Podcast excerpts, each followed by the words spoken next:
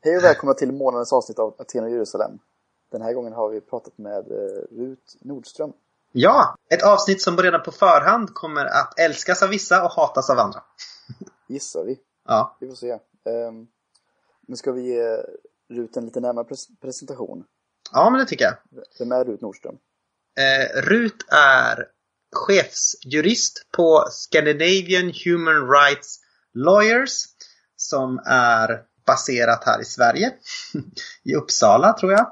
Precis, och hon är kanske mest känd som juristen som har företrätt eh, Elinor Grimmark, barnmorskan som har åberopat samvetsfrihet när det kommer till aborter i Sverige. Precis, och det pratar vi ganska mycket om i det här avsnittet. Vi pratar lite grann om också trafficking och om mänskliga rättigheter. Mm.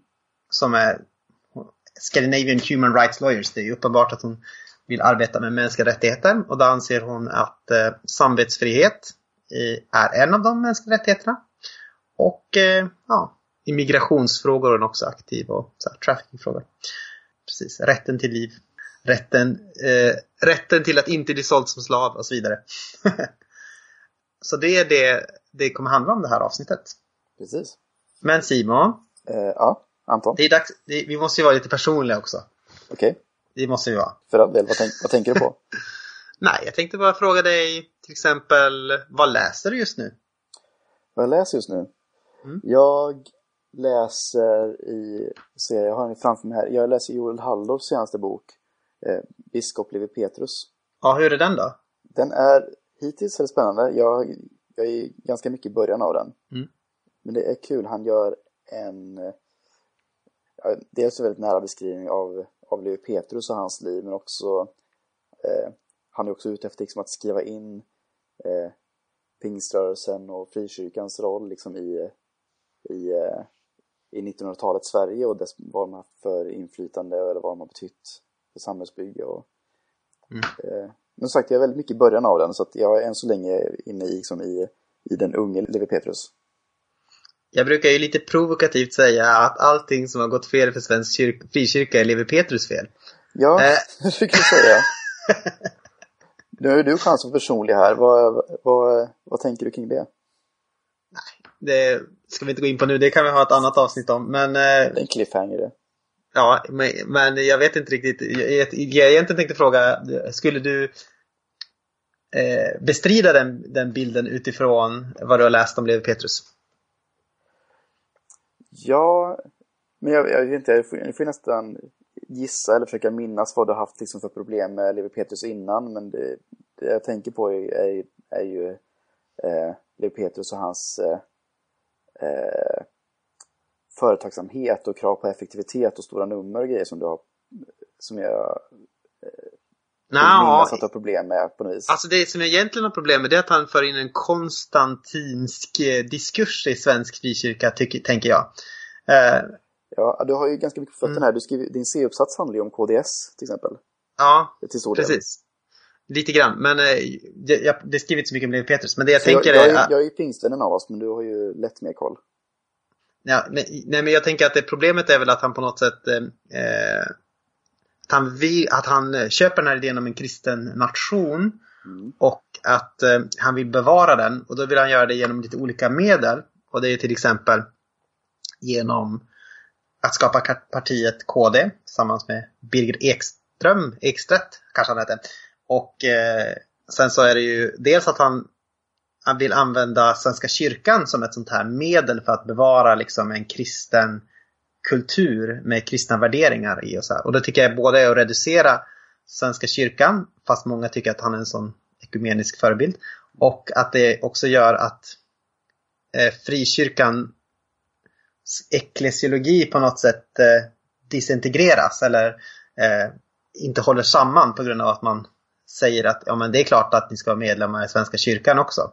Som man hade stridit fram till 50-talet på att slippa vara medlem i Svenska kyrkan för, för alla människor, baptisterna till exempel. Så. Uh, Jo, men det är ju benägen att hålla med. Det är också en typiskt dålig sak i min bok också.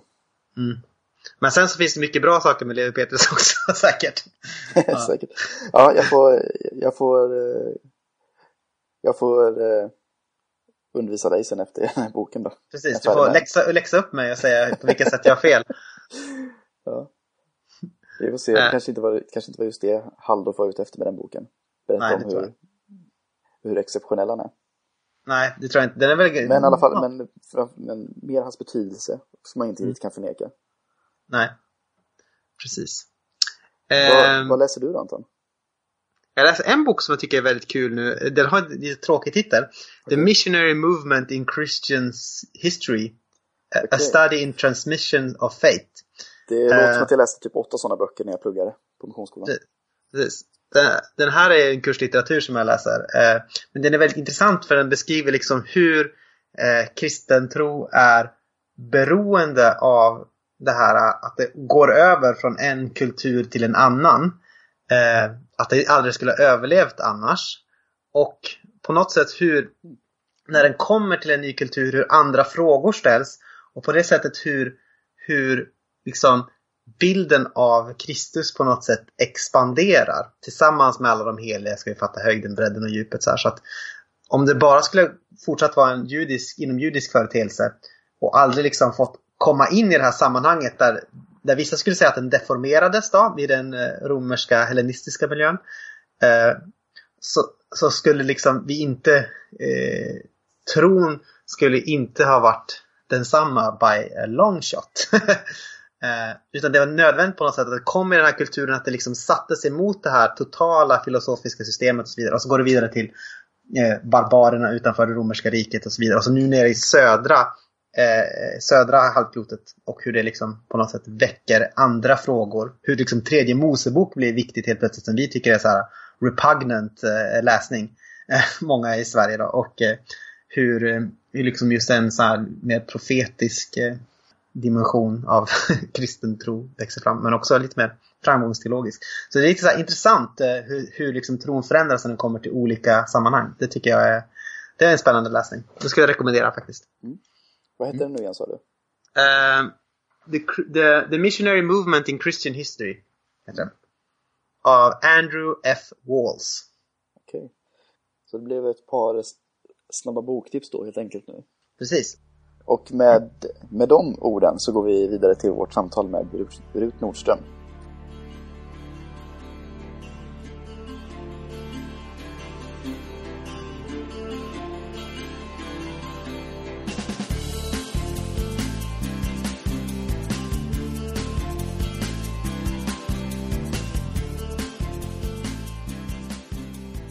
Hej Rut Nordström! Vad roligt att ha med dig här på Skype. Ja, jättekul att få vara med. Um, vem är du? Uh, hur skulle du presentera dig själv för våra lyssnare? Ja, jag är mamma, maka och sen är jag chefsjurist. Mm. Kortfattat så. Kortfattat, ja, en bra ja. sammanfattning. Ja. ja. Eh, du är också känd för att du har arbetat med Elinor Grimmark som är känd för svenska folket som barnmorskan. Du har arbetat för att hon ska ha rätt att avstå från att utföra abort. Det stämmer eh. bra och även barnmorska Linda Sten. Det är ju två barnmorskor. Just det. Ja. Och då är ju den första givna frågan, är inte abort en viktig del av arbetsuppgiften som barnmorska? Och blir det inte problem i vården om barnmorskors godtyckliga samveten ska hålla på att styra för mycket vilken vård som kan ges? Ja, det var en lång fråga där med ja. många frågor inbakade. Precis. Ja, men samvetsfrihet är en mänsklig rättighet. Eh, och det är ju därför den är viktig. Tillsammans med de andra mänskliga rättigheterna.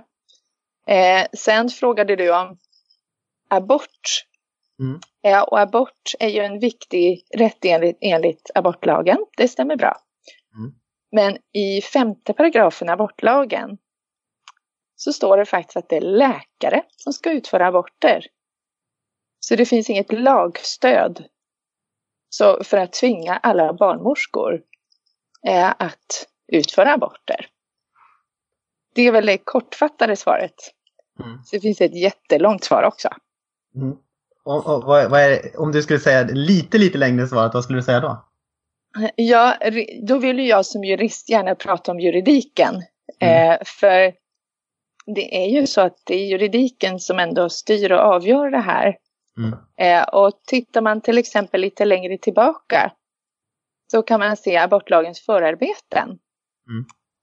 Eh, och där står det tydligt och klart att samvetsfrihet ska vara en viktig rättighet som ska respekteras. Precis, det är det så här teleologiskt argument då utifrån, eh, antar jag. Om man ska prata juristspråk. Ja, alltså precis, det finns ju normhierarki i juridiken. Mm. Eh, man mm. tittar ju oftast på, först tittar man ju på lagen i sig självt. Mm. Eh, och där tycker jag att det är ganska tydligt och klart att står det att det är en läkaruppgift, då är det en läkaruppgift. Mm. Det, det, finns inget direkt lagstöd i abortlagen för att tvinga barnmorskor att utföra abort. Mm. Utan kärnan i en barnmorskas uppgift är ju att förlösa barn. Eh, och tittar man på statistiken, som man också kan göra som är viktig, eh, så är det så att det är bara 40 procent idag av barnmorskor i Sverige som utför någon form av abortrelaterad verksamhet. De flesta eh, barnmorskor, 60 procent, de jobbar med andra saker. Till exempel ultraljud, förlossningar, BB. Det finns ju jättemycket en barnmorska kan jobba med. Mm. Eh, och det är ju så att de är ju lika kompetenta att vara barnmorskor även fast de inte jobbar med just aborter. Mm. Till Elinor Grimmark så sa man så här, ja, det är okej, okay. du kan få det här jobbet. Man kom överens om när hon skulle börja jobba, man kom överens om lön, man kom överens om arbetsuppgifterna på förlossningen. Vi löser det här med samhällsfrihet, sa man.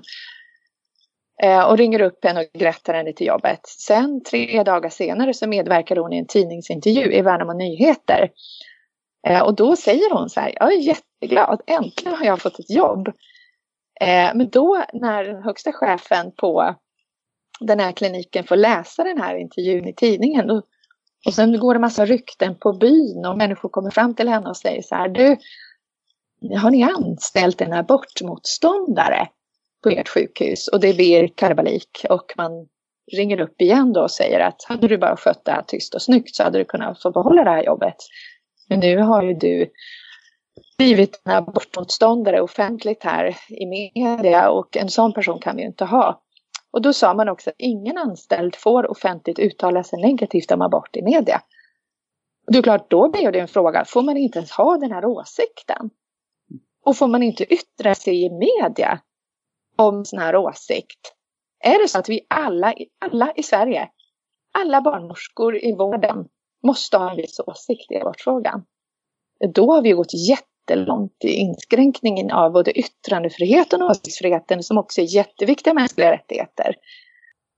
Men tittar man på juridiken eh, så är det ju så att man tittar på lagen och sen tittar man på förarbetena, hur lagstiftaren har så att säga haft för avsikt att lagen ska användas och tolkas. Och där är förarbetena till lagen jätteviktig. Och där sa man att man ska ta hänsyn till hur personalen själva anser inför det här ingreppet. Sen om man tittar då, jag började med Europakonventionen. Eh, därför att Europakonventionen säger att samhällsfrihet är en mänsklig rättighet. Precis som åsiktsfriheten, yttrandefriheten, religionsfriheten. Och de mänskliga rättigheterna är ju till för att, att man ska garantera att den enskilda medborgaren eh, har rätt Eh, oavsett om den åsikten eller den, det religiösa uttrycket eller vad det nu handlar om. Oavsett om det delas av majoriteten eller inte. Mm. Som i det här fallet så är det en, en minoritet i Sverige eh, som anser att abort eh, strider mot en samvete att utföra abort. Det är en väldigt liten del. Medan den största majoriteten tycker att det är väldigt oproblematiskt. Eh, och det är också en liten del av barnmorskorna och, eh, och läkarna i Sverige som åberopar och skulle åberopa samvetsfrihet. Medan det är en väldigt stark rättighet att få en abort utförd. Och det är väl kanske den största skillnaden när man tittar på de andra länderna i Europa. För det blir ju jätteviktigt att göra det. Eh, och skulle det här nu komma upp till Europadomstolen för prövning, eh, då är det viktigt att titta på de andra länderna i Europa. Eh, och då är det så att bland EUs medlemsländer så är det Sverige och Bulgarien som eh, tummar lite på den här rättigheten till samvetsfrihet. Eh, så att vi är rätt ensamma.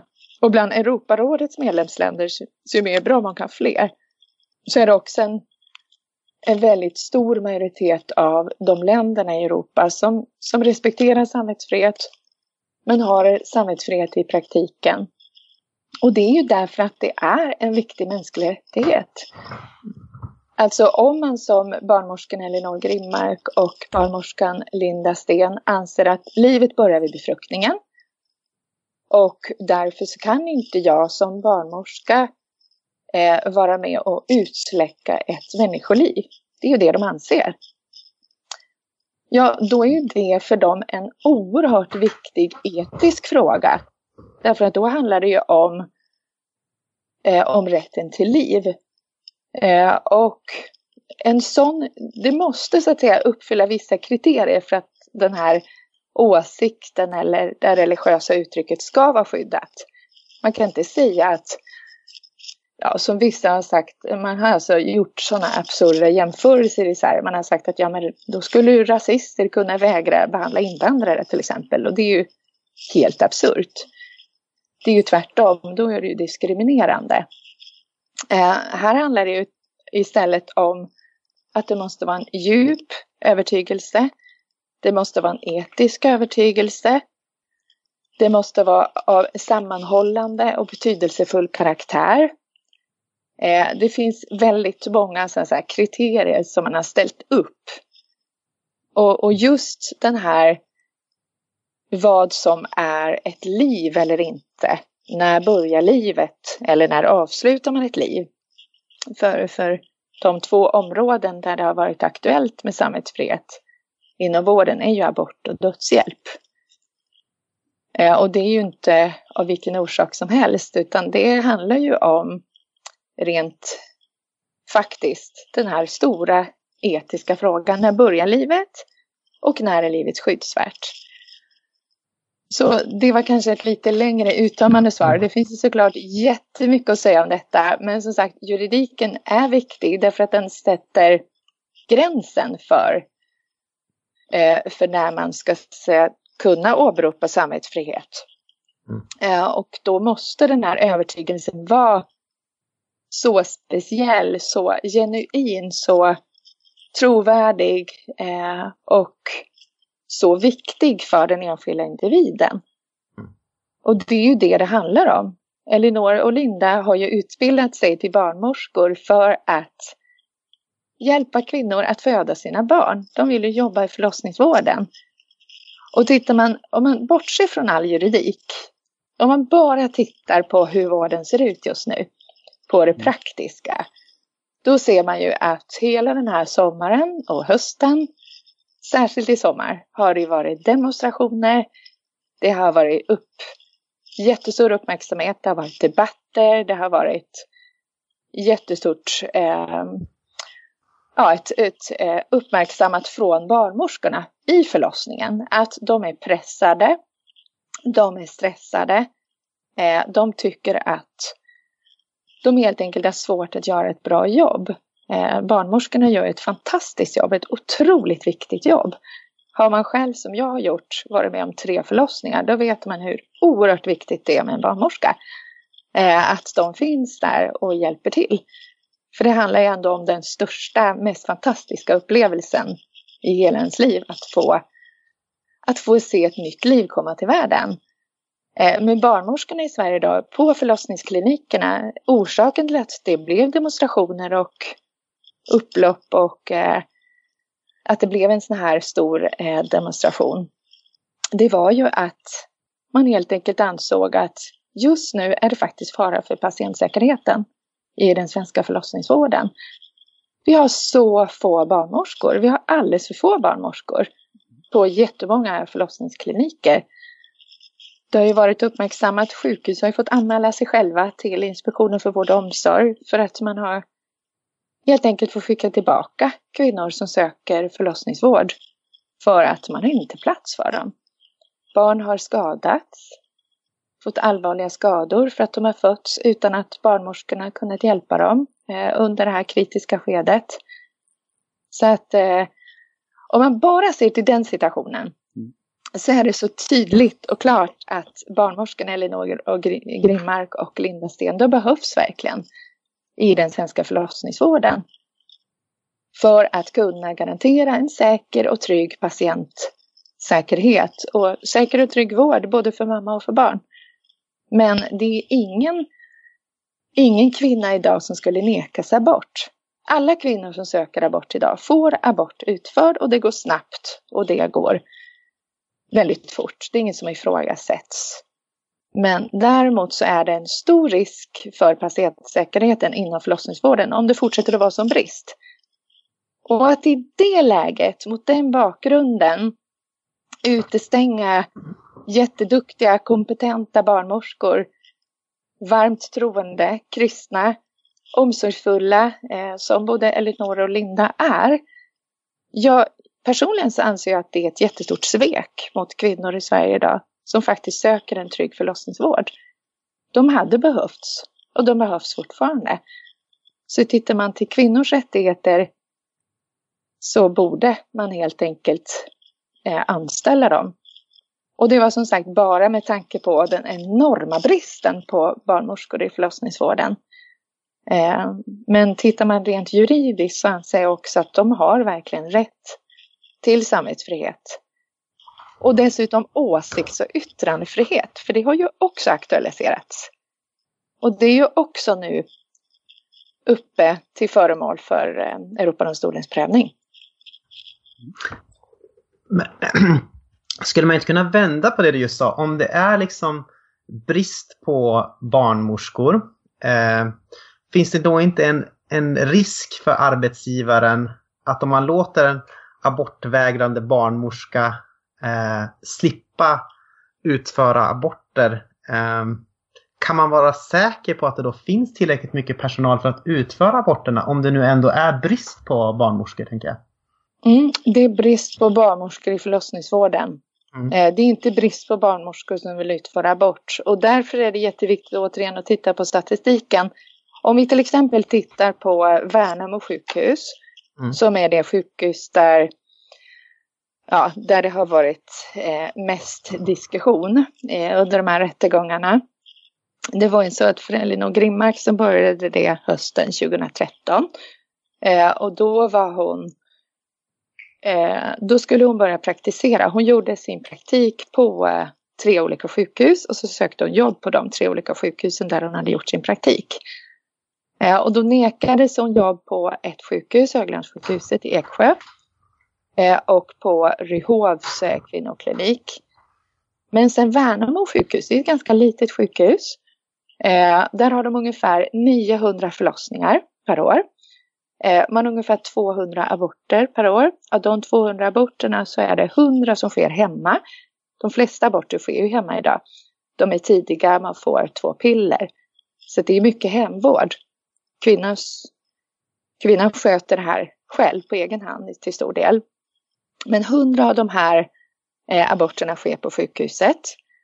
Eh, och av de 100 aborterna som sker på sjukhuset så är det ungefär en procent enligt Socialstyrelsens statistik. Av dem är det en procent som är de sena aborterna.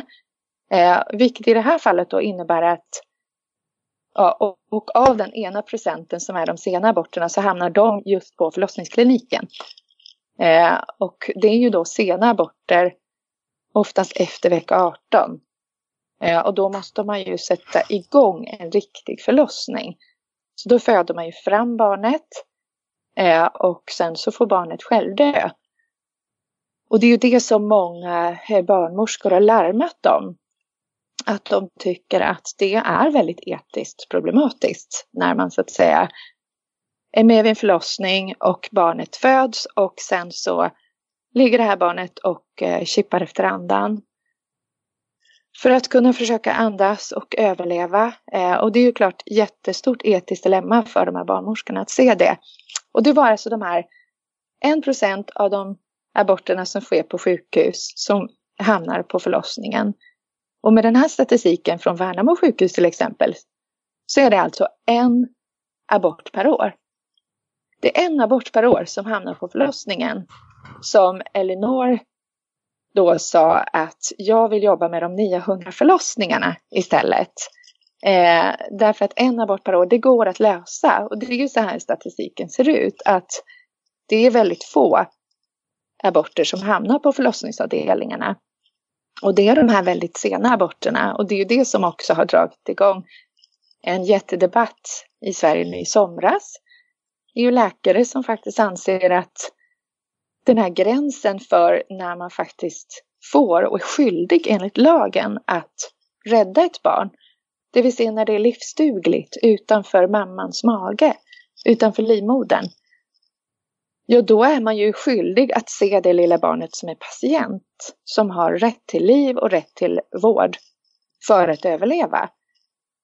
Och då blir det ju jätteproblematiskt när man som läkare inte får ge liv, till exempel då efter, eller inte får ge skydd och, och rätten för det här barnet att ses som en patient som har rätt till, till vård och eh, överlevnad. Eh, att man inte får ge de livsuppehållande åtgärderna. Det är klart att det är ett jättestort etiskt dilemma eh, och väldigt problematiskt. Så ett kort, kort svar på din fråga, det är så här att det finns ingen brist på barnmorskor idag som kan utföra aborter och det är en väldigt, väldigt liten del av en barnmorskas uppgifter och rent statistikmässigt så är ju det de flesta aborterna är hemaborter eh, och de, det är kvinnan själv som sköter det mesta eh, av hemaborterna. Men det är de sena aborterna, alltså en procent som hamnar på förlossningen. Och eh, det är det är klart att det är ett etiskt dilemma för alla, eller de flesta, men vissa tycker inte att det är ett problem. Vissa tycker att de har inga problem att utföra de här aborterna och de är så pass få. Eh, och däremot så är det jättestor brist på just barnmorskor som kan hjälpa kvinnorna med förlossningsvården. Och det är ju klart, en förlossning det kan ju ta allt från en timme till eh, eh flera dygn. Eh, och det är ett jättehårt arbete för en barnmorska. Och det är klart att som kvinna vet man ju att det är klart man vill ha en barnmorska som är van vid att ta förlossningar. Som, eh, ja, som är specialiserad på detta och är erfaren. Eh, Elinor har ju förlöst ungefär 200 barn sedan hon kom till Norge. Eh, och då tycker jag att det blir väldigt eh, absurt att säga så här att ja, men hon utför inte sitt jobb. Så att hon kan inte få jobba i sitt yrke. Då kanske man skulle eh, ringa upp de här 200 föräldrarna då och säga till dem att den här barnmorskan som har förlöst ditt barn, bara så att du vet, hon, hon borde inte få jobba i sitt yrke. Eh, det är ju så att det är ju det hon har utbildat sig för att göra och det är ju det som är den största delen av en barnmorskas uppgift. Ja. Mm. Det finns nog många som skulle påstå att, att just detta case visar på svårigheterna med att ha en avvikande åsikt i Sverige. Eh, skulle du säga att det är så eller finns det, finns det verkligen rum för mångfald här? Alltså i det här fallet tycker jag verkligen att den frågan ställs på sin spets. Vi är ju väldigt stolta över att vi har så mångfald och vi är så duktiga, tycker vi i Sverige, på att respektera varandras olika åsikter. Men när det kommer till kritan så visar just det här caset tycker jag visar så jättetydligt att det är ändå så att vi har tolerans om du har rätt åsikt. Har du fel åsikt som är politiskt inkorrekt, då är inte toleransen särskilt stor. Här har till exempel de här barnmorskorna av tidigare eh, samordnade mot våldsbejakande extremism, eh, Mona Salin, jämförs med jihadister, IS-krigare som mm. mördar och våldtar barn, halshugger kristna. Alltså de har jämförts med jihadister och man kommer undan med det i Sverige. Eh, och man säger att de är ju religiösa extremister. Jag tycker det är jätteallvarligt. Och det är ju klart ett hot mot vår demokrati att en, våld, att en samordnare mot våldsbejakande extremism kan uttala sig så här. Sen har vi ju tidigare EU-minister Birgitta Olsson som eh, tillsammans med RFSUs eh, ordförande har i TV4 suttit och eh, associerat eh, barnmorskan Elinor Grimmark med en global våg av kvinnoförtryck och menar att hennes fall representerar detta. Och det är ju, det är ju lika absurt och man blir eh, väldigt beklämd när man ser att det är möjligt att man i media kan uttala sig på det här sättet. Så, så intolerant. Eh, det är häpnadsväckande tycker jag. Sen har man ju också hört Cissi Wallin satt ju till exempel i, i Nyhetsmorgon i en panel och sa att man borde ju abortera alla abortmotståndare retroaktivt. Just det. Just det. Eh, och, och, då var det en annan, en Söderlund tyckte att man kan ju bara låsa in dem. Eh, och då var det en, en kille i panelen som reagerade och sa, men du, du pratar om mord här nu. Och så skrattar man bara bort det där. Men det är ju klart att det är inget man bara kan skämta om. Alltså att uh, sitta och önska livet ur sin meningsmotståndare, det är ändå ganska allvarligt. Och att jämföra någon med en jihadist eh, som, ja, som mördar och våldtar och halshugger, då har man gått väldigt, väldigt långt. Och det är klart att det piskar ju upp en, en hatisk stämning. Det har ju gått från att vara lite avvikande till att eh, nu är det helt enkelt så att du ska inte längre få finnas. Mm. Alltså människor med din åsikt borde inte ens få finnas. Eh, och det är kanske därför också min klient och mina klienter, men framförallt Elinor Grimmark har fått utstå så mycket hot, hat, hatbrev, telefonsamtal, hot, eh, mycket näthat förstås. Eh, och det är helt oacceptabelt. Men det späs ju på av också medieeliten och politiker, ledande politiker som går ut och uttalar sig. Sen blev det ju faktiskt en KU-anmälan också mot eh, ministrar som la sig i. Eh, mitt under, Ministerstyre då eller? Ja, min, mitt mm. under den här eh, processen så mm. går två ministrar ut och, och, och har åsikter om hur eh, en domstol bör döma. Och det är ju klart helt o, eh, oacceptabelt och det fälldes de ju för. Bland annat tidigare sjukvårdsminister Gabriel Wikström fälldes ju i konstitutionsutskottet för detta. Vilket är helt rätt. Men sen går man ju ut då ganska direkt efteråt och kommenterar ungefär på samma sätt men man kanske inte nämner namn. Så det har ju fått helt absurda proportioner det här. Det är mm. alltså två små barnmorskor. Ja. För på, liksom, handlar den här konflikten mer om principen att alla som jobbar inom vården ska stödja svensk abortlagstiftning? Liksom att det är, är det snarare så att man inte vill ha människor inom vården med de åsikterna än att det skulle bli ja. schematekniska problem? Alltså nu är det ju så att ska man stödja svensk abortlagstiftning så ska man stödja samvetsfrihet. Som jag inledde med att säga i, i abortlagens femte paragraf står det att det är läkare som ska utföra abort. Så det, det är helt omöjligt med den svenska abortlagen att få det till att det kan finnas ett tvång för alla barnmorskor att du får inte ens vara verksam i ditt yrke om inte du utför abort. Och abortlagens förarbeten, det var jättetydligt när lagen skrevs att så här skulle man tolkar lagen. Man ska ge samvetsfrihet och då var ju det tanken för läkare att de skulle få samvetsfrihet. Det var inte ens påtänkt då. Abortpillerna kom ju på 90-talet och då sa man ju också att det var läkare som skulle ge de här pillren.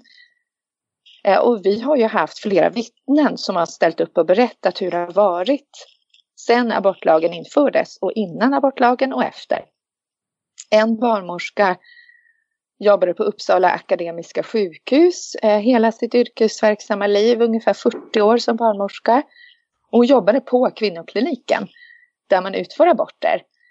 Eh, och när eh, abortlagen infördes och eh, man då som barnmorska skulle dela ut abortpiller och utföra aborter, då sa hon att jag kan inte göra det på grund av mitt samvete. Och då sa man från början, nej men det är inga problem, det är läkarna som ska göra det här. Sen ändrades praxisen, men lagen har inte ändrats. Men praxis ändrades och därför att läkarna tyckte att det blev alldeles för många. Eh, men hon fortsatte att hänvisa till läkarna varje gång hon hade en abortpatient. Eh, och då kom en jourhavande läkare in och gav den här tabletten. Sen blev hon uppkallad till, till sin chef eh, som ifrågasatte henne och då sa men du får visa mig i abortlagen att du har stöd för att ge mig sparken som barnmorska. Det står ju tydligt och klart i lagen att det är en läkaruppgift. Eh, och, och, hon fick ju eh, behålla sitt jobb. Och det har ju fungerat i praktiken också i Sverige i ungefär 40 år. Det är nu sedan 2013 som man har ändrat. Eh, och Sveriges kommuner och landsting, RFSU och i princip alla fackförbund, Vårdförbundet, Barnmorskeförbundet starkast, eh, har gått ut och sagt att nej, nu vill vi ändra det här och nu ska man inte längre få vara verksam inom vården. Inte ens få vara inom förlossningsvården om man inte har rätt åsikt i abortfrågan. Så att eh, ja, det handlar helt enkelt om att du måste ha en viss åsikt. Eh, och professor Renolf Fahlbeck eh, som vi har haft med i vårt team, han skrev nyligen i Svensk Juristtidning en analys av den här domen och hela den här processen. Och han konstaterar så här att juridiken förlorade och politiken vann. Så att vi hoppas att eh, Europadomstolen tar upp det här till prövning. Det blir spännande att se. Och blir det eh, så att Europadomstolen tar upp de här målen till prövning då kommer det dröja kanske ett till tre år innan vi får besked. Och hittills har det tagit ungefär fyra år, så det är klart att det är en långdragen process. Vi har vunnit två ärenden i Europadomstolen tidigare, men då har det varit ett om en kristen konvertit som riskerade dödsstraff i Afghanistan för att han hade blivit kristen. Eh, och det vann vi direkt. Då handlade det om liv och död och Europadomstolen stoppade den här utvisningen. Eh, så nu har vi vunnit ett annat mål om trafficking och människohandel där det var en mamma och hennes lilla dotter som men vi hävdar att det stred mot de mänskliga rättigheterna att utvisa dem. Eh, och där stoppade också Europadomstolen det här. Så där har det gått väldigt fort. Men som sagt, då har det varit en överhängande risk för livet på den här klienten, den här personen i fråga. Nu är det en annan typ av mänsklig rättighet. Där var det förbud mot slaveri, eh, rätten till liv och eh, rätten till religionsfrihet. Förbud mot eh, tortyr. Här är det rätt till samvetsfrihet, åsikts och yttrandefrihet och religionsfrihet. Det är ett mål som inte brådskar lika mycket, så därför tar det väldigt lång tid. Mm. Finns det en samhällsvinst med att folk är mer eh, lyhörda mot sina samveten? Ja, det finns en samhällsvinst i att människor är lyhörda mot sina samveten. Vi ser ju så här att en samvetsgrann medborgare, det är ju det vi söker. När vi skriver under vår skattedeklaration lovar vi på heder och samvete att vi har sagt det som är sant och uppgett det som är korrekt. Eh, varje vittne som ska införa sig i en domstol ska avlägga en vittnesed. Man lovar på heder och samvete att säga hela sanningen, att inte lägga till någonting, inte förtiga någonting. Heder och samvete. Det är ju två begrepp som, eh, som hör ihop mycket. Eh, och det är ju så att samvetet är ju ett rättesnöre för oss människor som helt enkelt visar oss, det är en moralisk kompass. Vad är rätt och vad är fel? Och det är ju klart att det ser olika ut hos varje människa. Men någonstans så har vi eh, en... Alltså det är ju klart att de här frågorna om liv och död, det är etiskt komplicerade frågor. Därför att det också är existentiella frågor. Men tittar vi på den andra frågan, om frågan om dödshjälp, där också samvetsfrihet är aktuellt, då, då finns en helt annan tolerans och en helt annan öppenhet i Sverige och då kan man diskutera det här utan att bli svartmålad eller utmobbad eller utfryst eller uthängd eller vad det nu är. Där förstår alla att skulle vi införa dödshjälp även i Sverige, vilket man har gjort i många andra länder i Europa, ja då kan vi ju inte tvinga alla läkare att ge den här eh, sprutan och avsluta en människas liv. Man måste ju kunna vara läkare och jobba som läkare fast man inte vill utföra dödshjälp. Det finns ju väldigt mycket andra saker en läkare kan göra. Eh, Ja, så det är ju självklart. Inom militärtjänsten så har man ju haft eh, vapenfri tjänst, samvetsfrihet. Eh, för att man inte vill riskera att döda någon. Eh, man har haft samvetsfrihet, eller har, alla journalister har ju samvetsfrihet idag. Alla journalister eh, de behöver inte tvingas att skriva om någonting eller utföra något uppdrag som eh, går emot deras samvete. Så det är såklart en jättesamhällsvinst om vi respekterar alla de mänskliga rättigheterna. Så är det. Poli och poliser har inte behövt medverka vid deportationer också är ju ett det är ganska aktuellt. Mm. Ja, och läkare har inte behövt åldersbestämma barn, eh, flyktingar, om de har ansett att det blivit mot deras samvete. Så det finns på många områden och lär bli ännu fler. För vi har många människor som kommer till vårt land. Vi jobbar ju som, jag jobbar som människorättsjurist och företräder många i asyl och migrationsärenden. Och det är många som kommer från andra länder med helt annan kultur, helt annan bakgrund, helt annan etnicitet, helt annan religiös bakgrund. Eh, och där har man en, eh, en uppfattning i sådana här moraliska, etiska frågor som kanske skiljer sig från gemene man i Sverige. Och det behöver vi också ta hänsyn till och respektera. Mm. Eh, mm. Du eh, är ju abortkritisk. Eh, om, jag tror att många verkar anse att det finns att det därför finns en dold agenda bakom ditt agerande. Att du är ute efter ett sånt här sluttande plan som gör att det till slut ska bli svårare för kvinnor att få abort. Eh, vad säger du om det? Den ja, ja, tankegången. Det, precis, det är någonting jag ofta märker underliggande men jag har faktiskt aldrig fått den direkta frågan så det var ju väldigt bra då. Därför ja, det är inte min agenda. jag har ingen dold agenda. Jag är väldigt öppen med vad jag tycker. Jag har sagt ganska många gånger, det är bara att googla på, på det. Jag har en egen syster som har genomgått abort. Och jag har stöttat henne i hela den processen. Och jag vet att det är jättesvårt. Och många kvinnor anser att det är helt nödvändigt för dem att få en abort utförd. Och jag kan förstå det. Jag ser alltid min syster framför mig och tänker att eh, jag har ett brinnande engagemang för alla kvinnor som har gått igenom en abort eller har behövt få en abort. Men det innebär ju inte att jag kan så att säga till de som inte delar min uppfattning säga att du får inte ens jobba i vården för att du har fel uppfattning. Det blir ju en jätteallvarlig inskränkning i åsiktsyttrandefriheten. Fint. Eh, jag tänkte på det här med, med mänskliga rättigheter också. Eh, mm. Hur hänger arbetet med mänskliga rättigheter ihop med kristen tro? Alltså, så här, är mänskliga rättigheter någonting som står på sina egna ben? Eller är det någonting som på ett sätt är beroende av en kristen idéhistoria? Eh, vad tycker du? Eller vad är sant? Mm.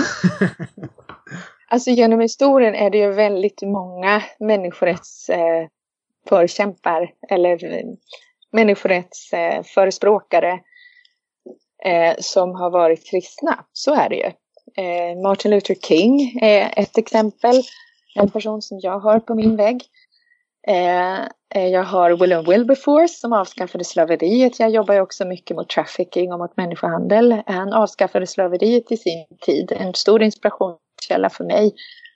Eh, det finns ju jättemånga. Vi har Dag Hammarskjöld. Vi har jättemånga. Listan kan göras väldigt, väldigt lång. Eh, och det är ju klart att tittar man på Europakonventionen om de mänskliga rättigheterna, tittar man på EUs stadga eh, om eh, de mänskliga rättigheterna så finns det ju en värdegrund där. Eh, man säger till exempel i början på EUs stadga eh, så säger man att grunden är människovärdet.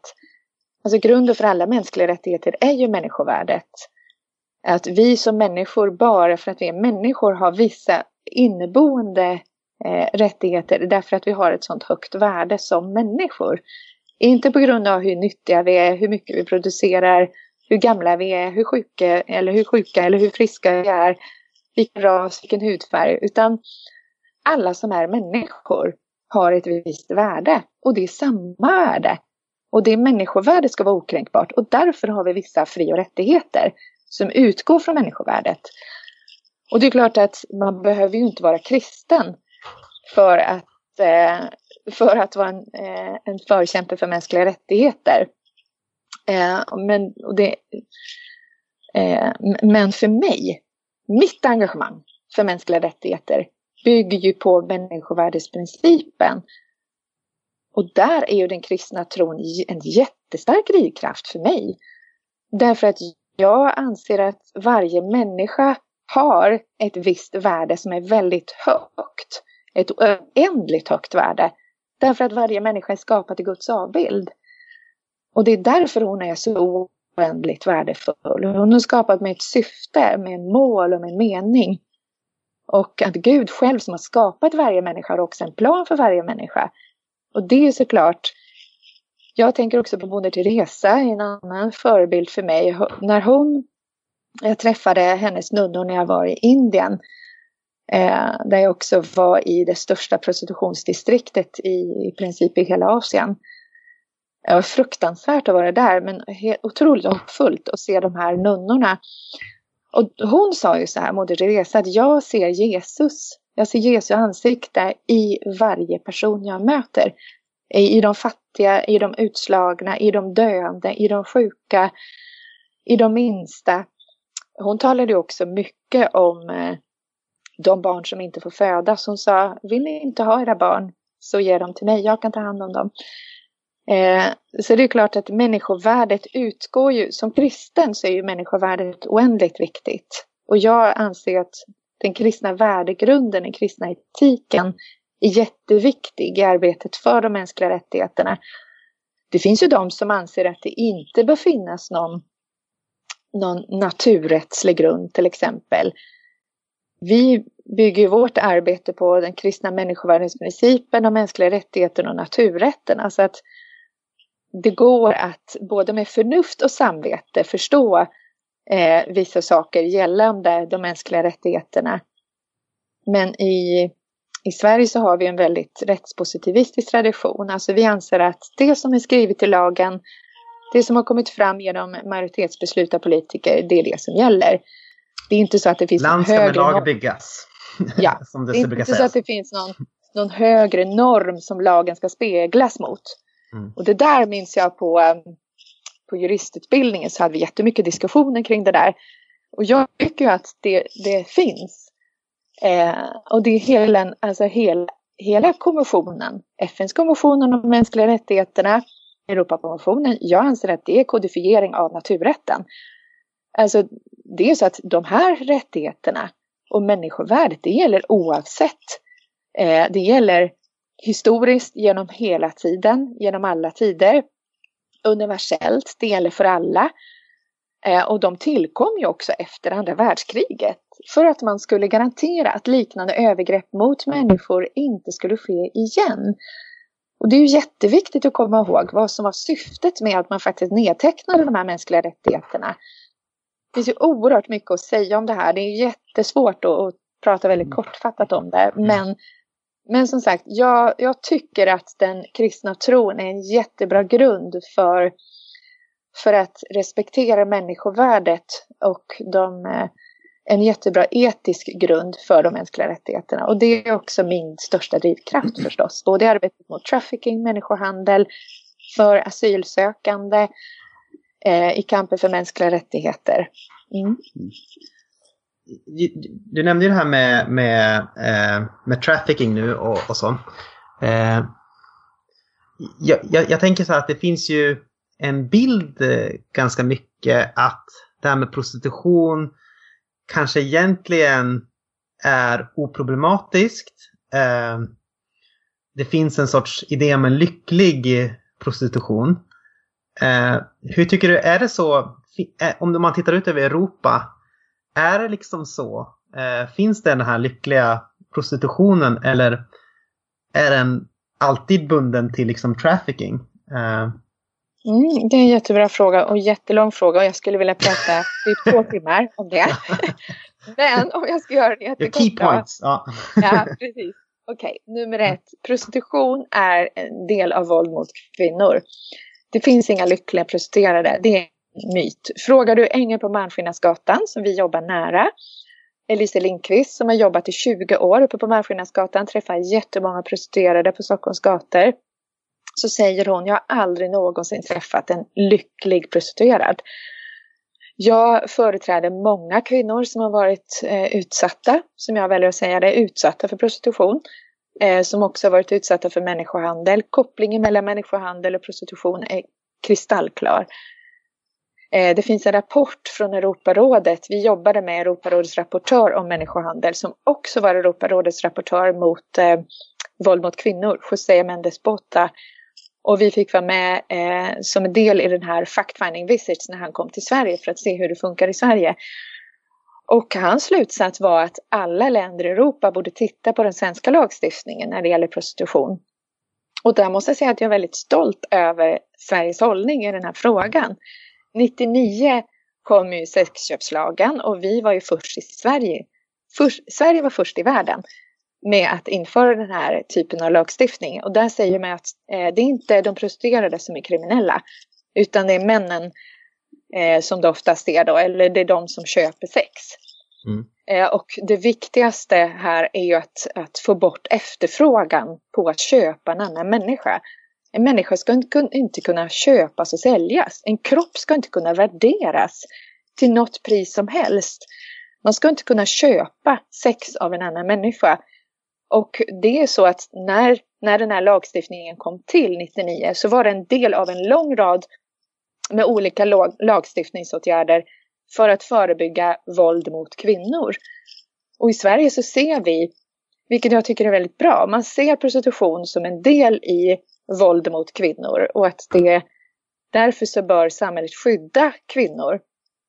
Många av de kvinnorna som vi företräder, som vi möter, ofta är det ju så att de flesta eh, har lovats ett erbjudande om att till exempel jobba som hårstylist i ett annat land eller jobba som au pair eller modell. Och sen när man väl kommer dit så inser man att man har hamnat på en bordell. En kvinna som vi företräder, hon, hennes pappa var hjärtsjuk. Och eh, det var en jättefattig familj, hon var enda barnet. Och det kom en snäll man från byn och sa att vi kan lösa det här. Du kan få ett jobb på en farm i Frankrike och vi betalar biljetten och vi, vi fixar det här. Eh, och du kan få råd att betala medicin för din pappa och en hjärtoperation. Hon kommer till Frankrike, eh, hamnar på en lägenhetsbordell, får en väska ditslängd och säger du sätt på dig de här kläderna, du ska börja jobba. Det är kläder för en prostituerad.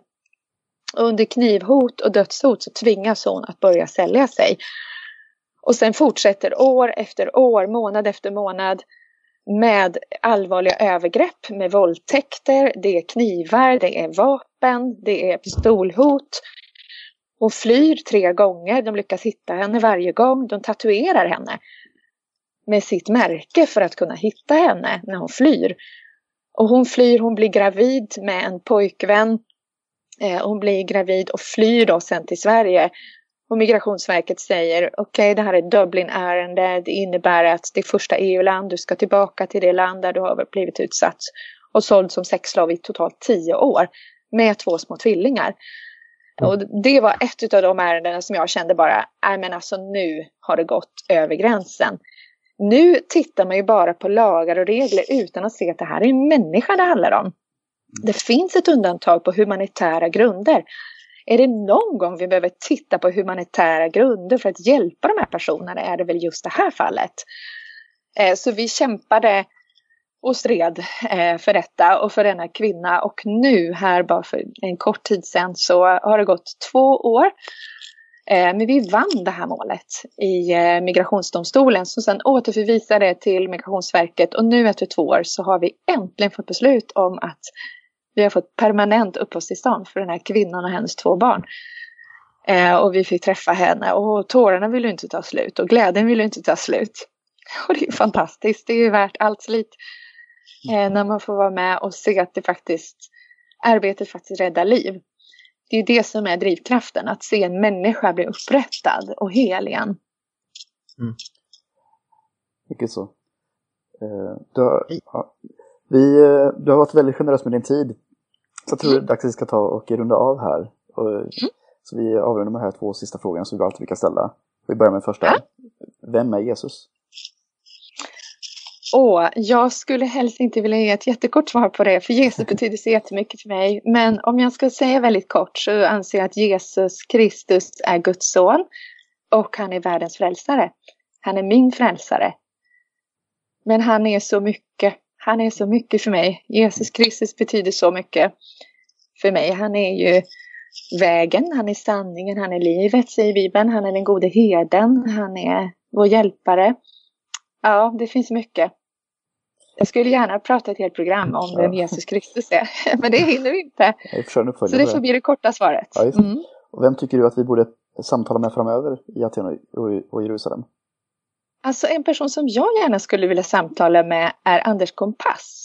Mm. Så lyckas ni få intervjua honom så skulle jag bli jätteglad. Då skulle jag gärna lyssna på den intervjun. Ja, jag tror han är i Örebro nästa vecka. Ja, men passa på då. Ja. ja, men för allt i världen.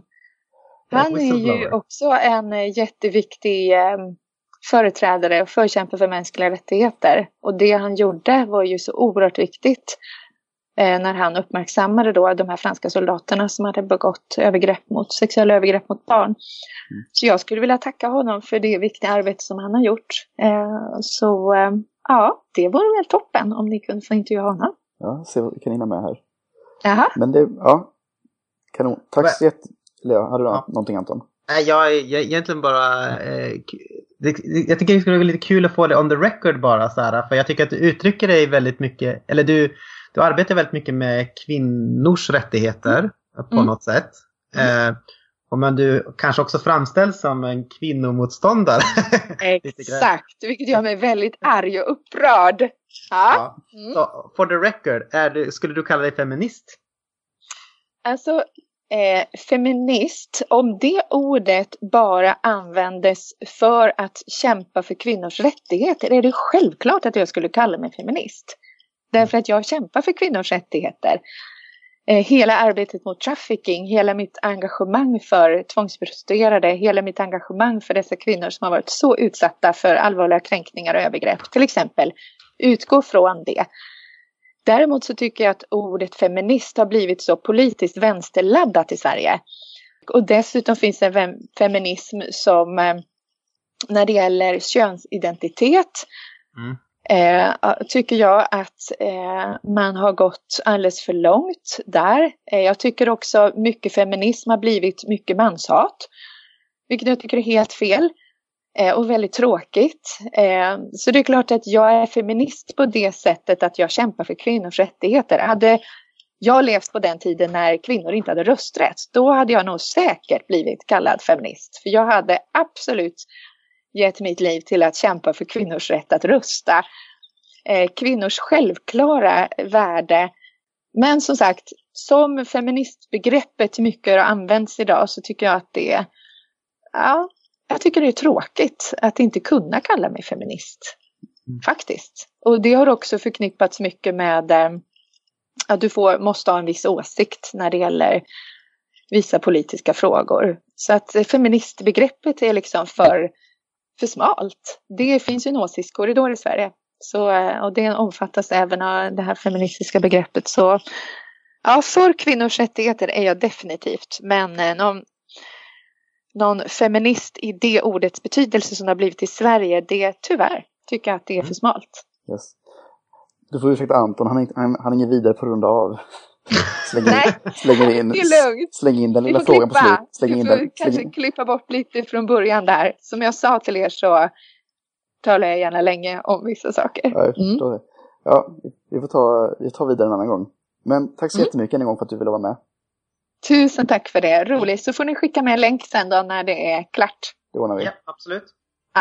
Ha, en bra dag. Detsamma. Ha en bra dag. Vi ses. Hej då, hej då.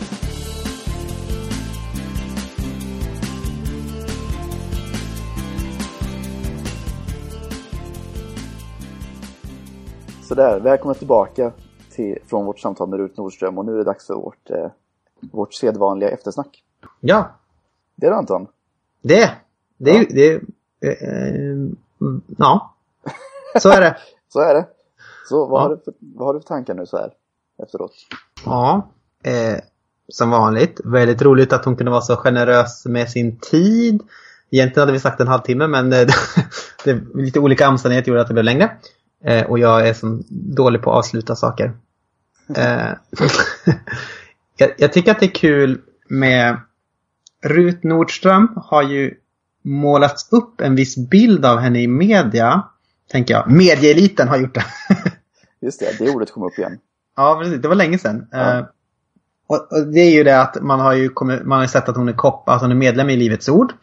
Uh, att hon är att hon jobbar med det här fallet och att hon är abort, eh, men lite ab abortkritisk. Då.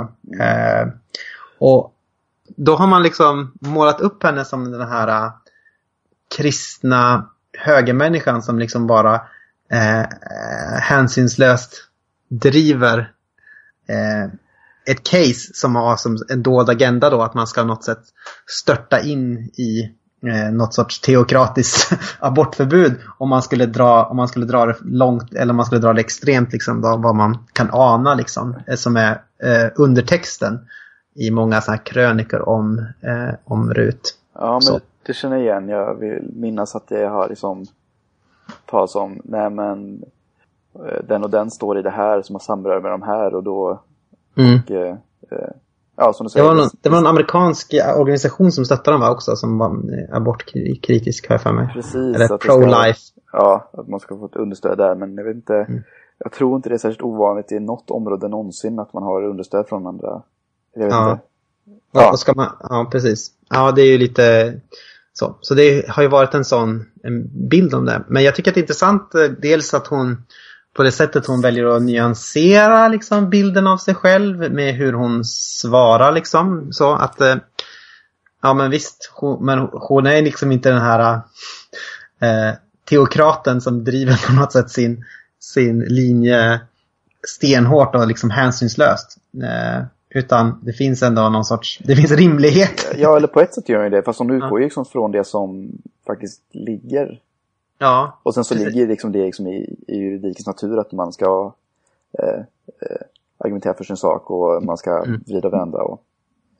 Ja, precis. Det, det, är ju liksom inte... Det är inte utifrån... Det är ju utifrån liksom Europakonventionen och det som vi på något sätt ändå har de här suveräna staterna har kommit överens om eh, egentligen borde ligga eh, som hon argumenterar utifrån. Och utifrån mer, ja, men mer ett naturrättsligt eh, tradition då. Som också ligger väldigt mycket till grund om deklarationen om mänskliga rättigheter. Eh, vi anser att dessa rättigheter är eh, självklara som det står i den amerikanska konstitutionen och så vidare. Eh, så det är egentligen det som hon driver eh, och eh, det är också intressant att se om man läser lite case som hon har gjort så är det till exempel att hon har i, i traffickingfrågor så har hon försvarat eh, men en lesbisk kvinna som var tvungen att fly från en man som hon var gift med. Då.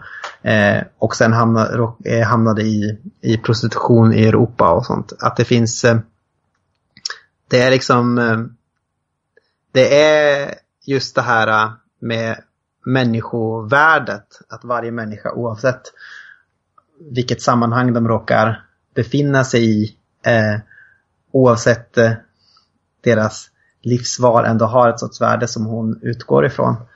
Eh, och det, det, tycker jag är, är, viktigt att lyfta fram om man tänker på eh, att det finns väldigt mycket bestämda uppfattningar om vem hon är. Liksom. Yes, men vi har, vi har väl eh, några punkter vi tänkte beröra. Mm. Ska vi ta den första hatten där, Anton? Ja, ja visst. Eh, jag tycker en sak som är intressant är att jag tänker att eh, om man kollar historiskt sett så finns det, har det ofta varit så att minoriteter inte har fått arbeta i, i statsförvaltning till exempel. Och i vissa yrken har varit liksom förbehållna vissa konfessioner kan man säga historiskt sett. I Sverige och i England är det väldigt tydligt att man kan läsa liksom så att till exempel sådana som är, eh, inte liksom är med i den dominerande religionen kan liksom inte arbeta i statsförvaltning, kanske, kanske inte kan arbeta som läkare eller sådana ansvarsfulla yrken som har på något sätt har staten som garant. För att man tänker att det är viktigt, det finns ett sammanhållande kitt. Och det är den här eh, religionen eh, som vi har, den här civilreligionen. Den som på något sätt rättfärdiggör våran stat, den rättfärdiggör vårt samhälle. Och det jag funderat lite grann på är om en speciell sorts individualism är egentligen det som rättfärdiggör eller förklarar det svenska samhället och att det är det, det, är det som är vår civilreligion. Det finns ju någonting som kallas the Swedish Theory of Love. Uh, Just det. Mm. Ska vi förklara den kort för oinsatta? Ja. Eller den sätter väl fokus på förhållandet eh, mellan individ och stat. Mm. Eh, till en så milda grad att man egentligen inte ska, om man inte vill, väljer då, ha egentligen behöva ha förhållanden individ till individ utan man ska kunna liksom förlita sig på att, att när individen behöver hjälp så finns staten där mm. för att lösa det. Och det är det som möjliggör mellanmänsklig kärlek enligt the Swedish Theory of Love. Just det, för alltså, då, man, då, har man, då är det helt självvalt för att du står inte beroende mm. till individen. Precis. Tack vare staten som lyfter av den här bördan av att vara beroende med någon annan så kan man älska eh, fritt. fritt. Precis. Och det, bygger ju, det är ju en bild av en sorts, alltså en sorts isolerat jag. Eh, ett buffrat jag som Charles Taylor, filosofen, skulle sagt.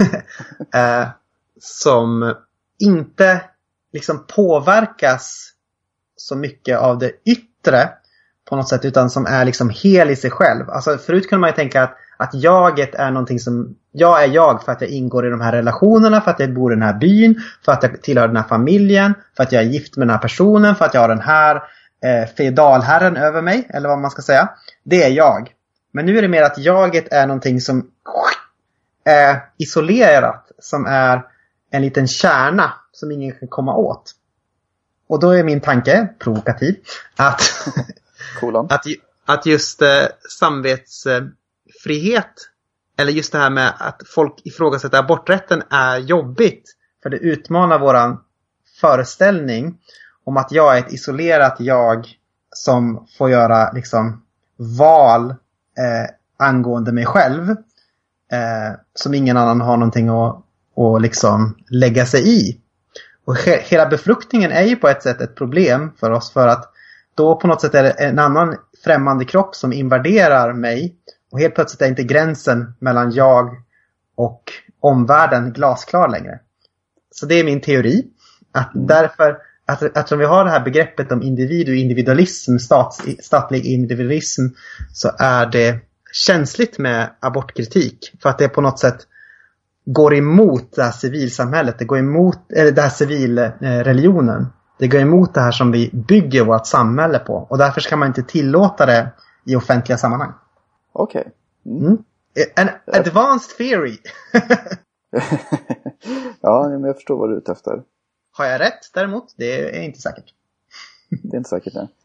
Mm. Um, vi får se ifall det här... För det finns ju också ett slags mantra som är lite... Du får liksom alla är helt fria att göra vad de vill så länge man inte skadar någon annan. Mm. Men eh, när det kommer till just abortfrågan så blir det en väldigt, väldigt knepig fråga. Alla, fall för mm. väldigt, alla fall för många. Absolut. Var går gränsen mellan jag och en eventuell annan individ då, som finns i mig? Mm. Är det liksom...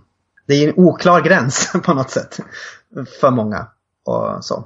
När blir det en egen individ på något sätt som jag inte får skada?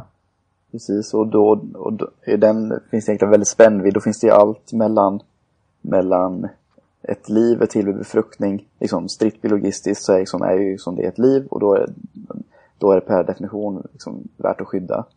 Mm. Och sen finns det de här extrema utilitaristiska...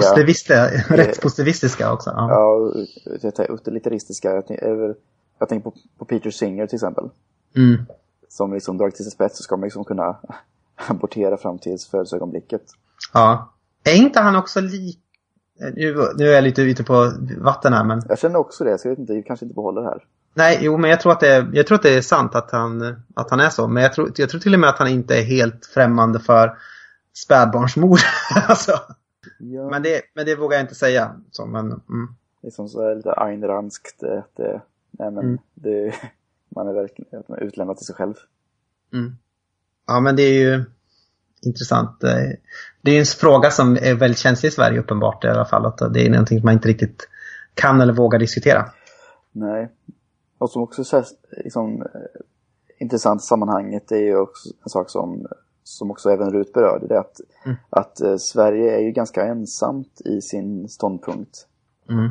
När det kommer till, så här, när det kommer till eh, samvetsfrihetsfrågan till exempel. Mm. Det, jag, ja. inte, oavsett vad man tycker så tycker jag ändå eh, så tycker jag att det är värt att fundera på varför det ser ut så.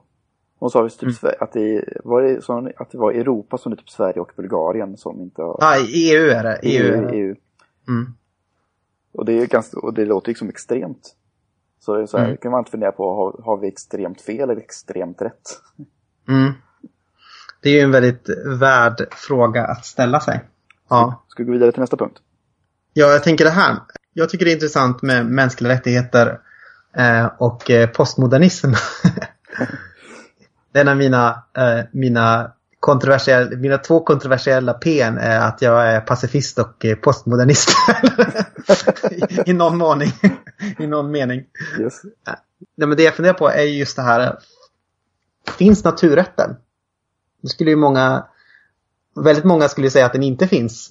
Eh, och historiskt sett så är det väldigt många som skulle säga att den finns. Men alltså kan man egentligen säga, kan man, kan man hitta en objektiv objektiva rättigheter liksom nedlagda i naturen om man bara tittar på den med ett sorts ointresserad blick? Eller måste man inta en subjektiv blick från en viss tradition för att kunna hitta rättigheter i naturen? Om man, man, Okej, okay, vad sa jag för någonting just nu? Jo, jag tänker så här. Är det naturligt? Eh, om Jesus säger så här, du ska älska dina fiender. Är det en naturlig, någonting som man naturligt kan läsa ut ur naturen varifrån man än är? Eller är det någonting som man behöver stå i liksom eh, stå tillsammans med Jesus för att kunna se?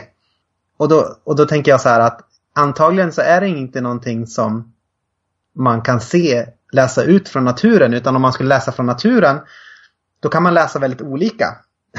Mm.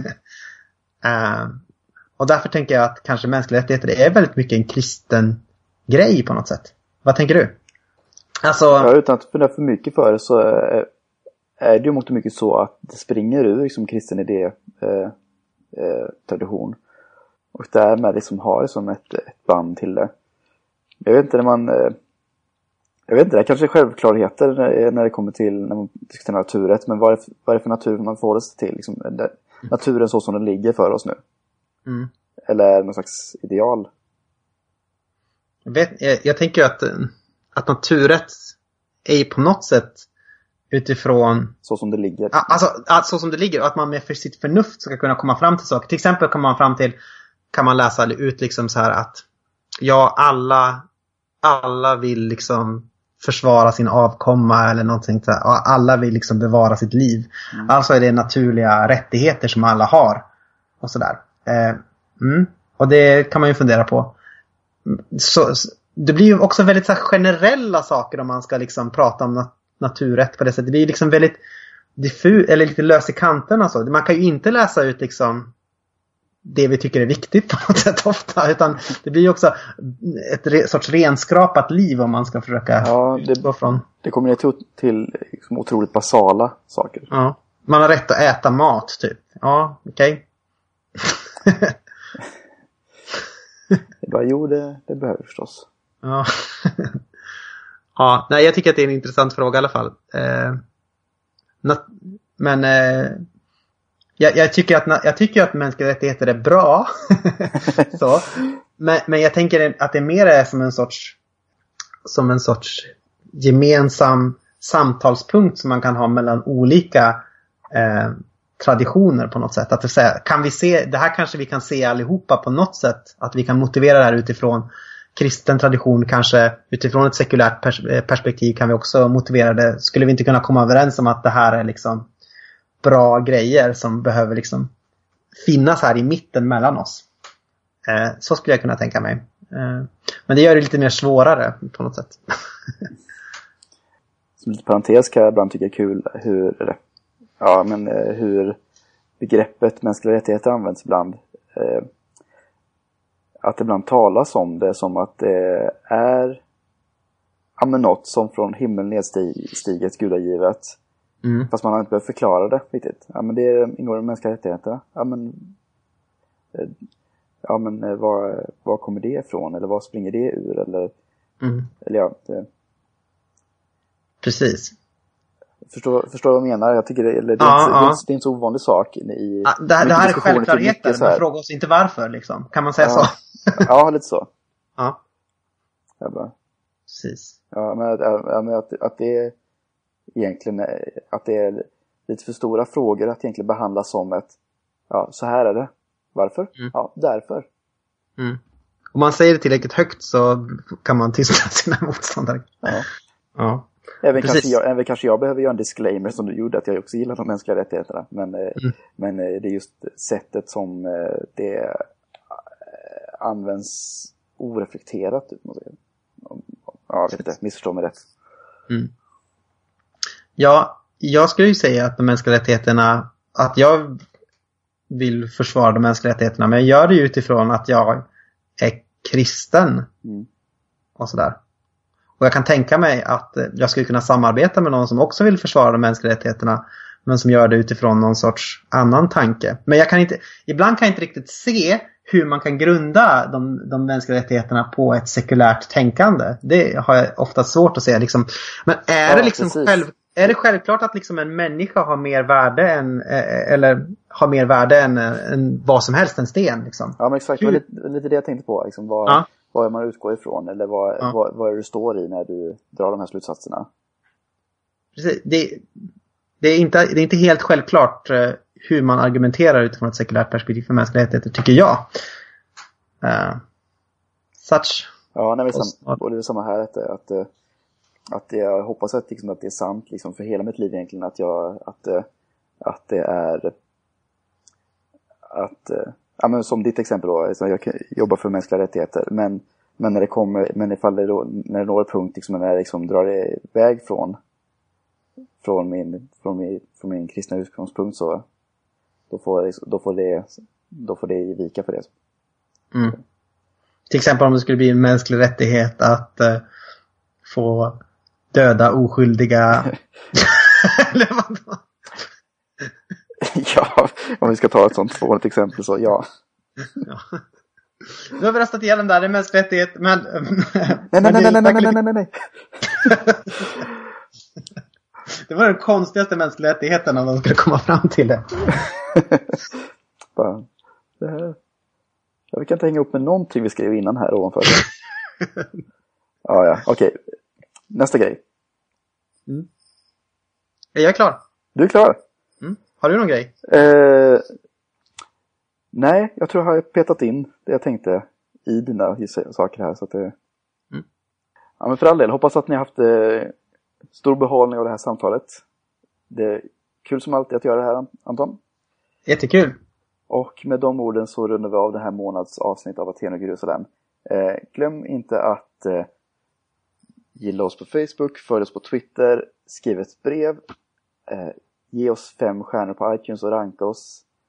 Och Eller på en annan podcastgrej ni använder. Ja. Till exempel finns vi på Acast nu för tiden, men det är ingen som använder va? Jag vet inte, jag gör inte gärna det. Nej. Men det kan man göra. Finns, finns på Acast också. Eh, men nästan det viktigaste, ifall eh, du tycker att den här podden har varit ens det minsta intressant. Eh, tipsa gärna för någon du känner om, att, eh, om, om något favorit, eller om något avsnitt du tyckte, tyckte särskilt mycket om.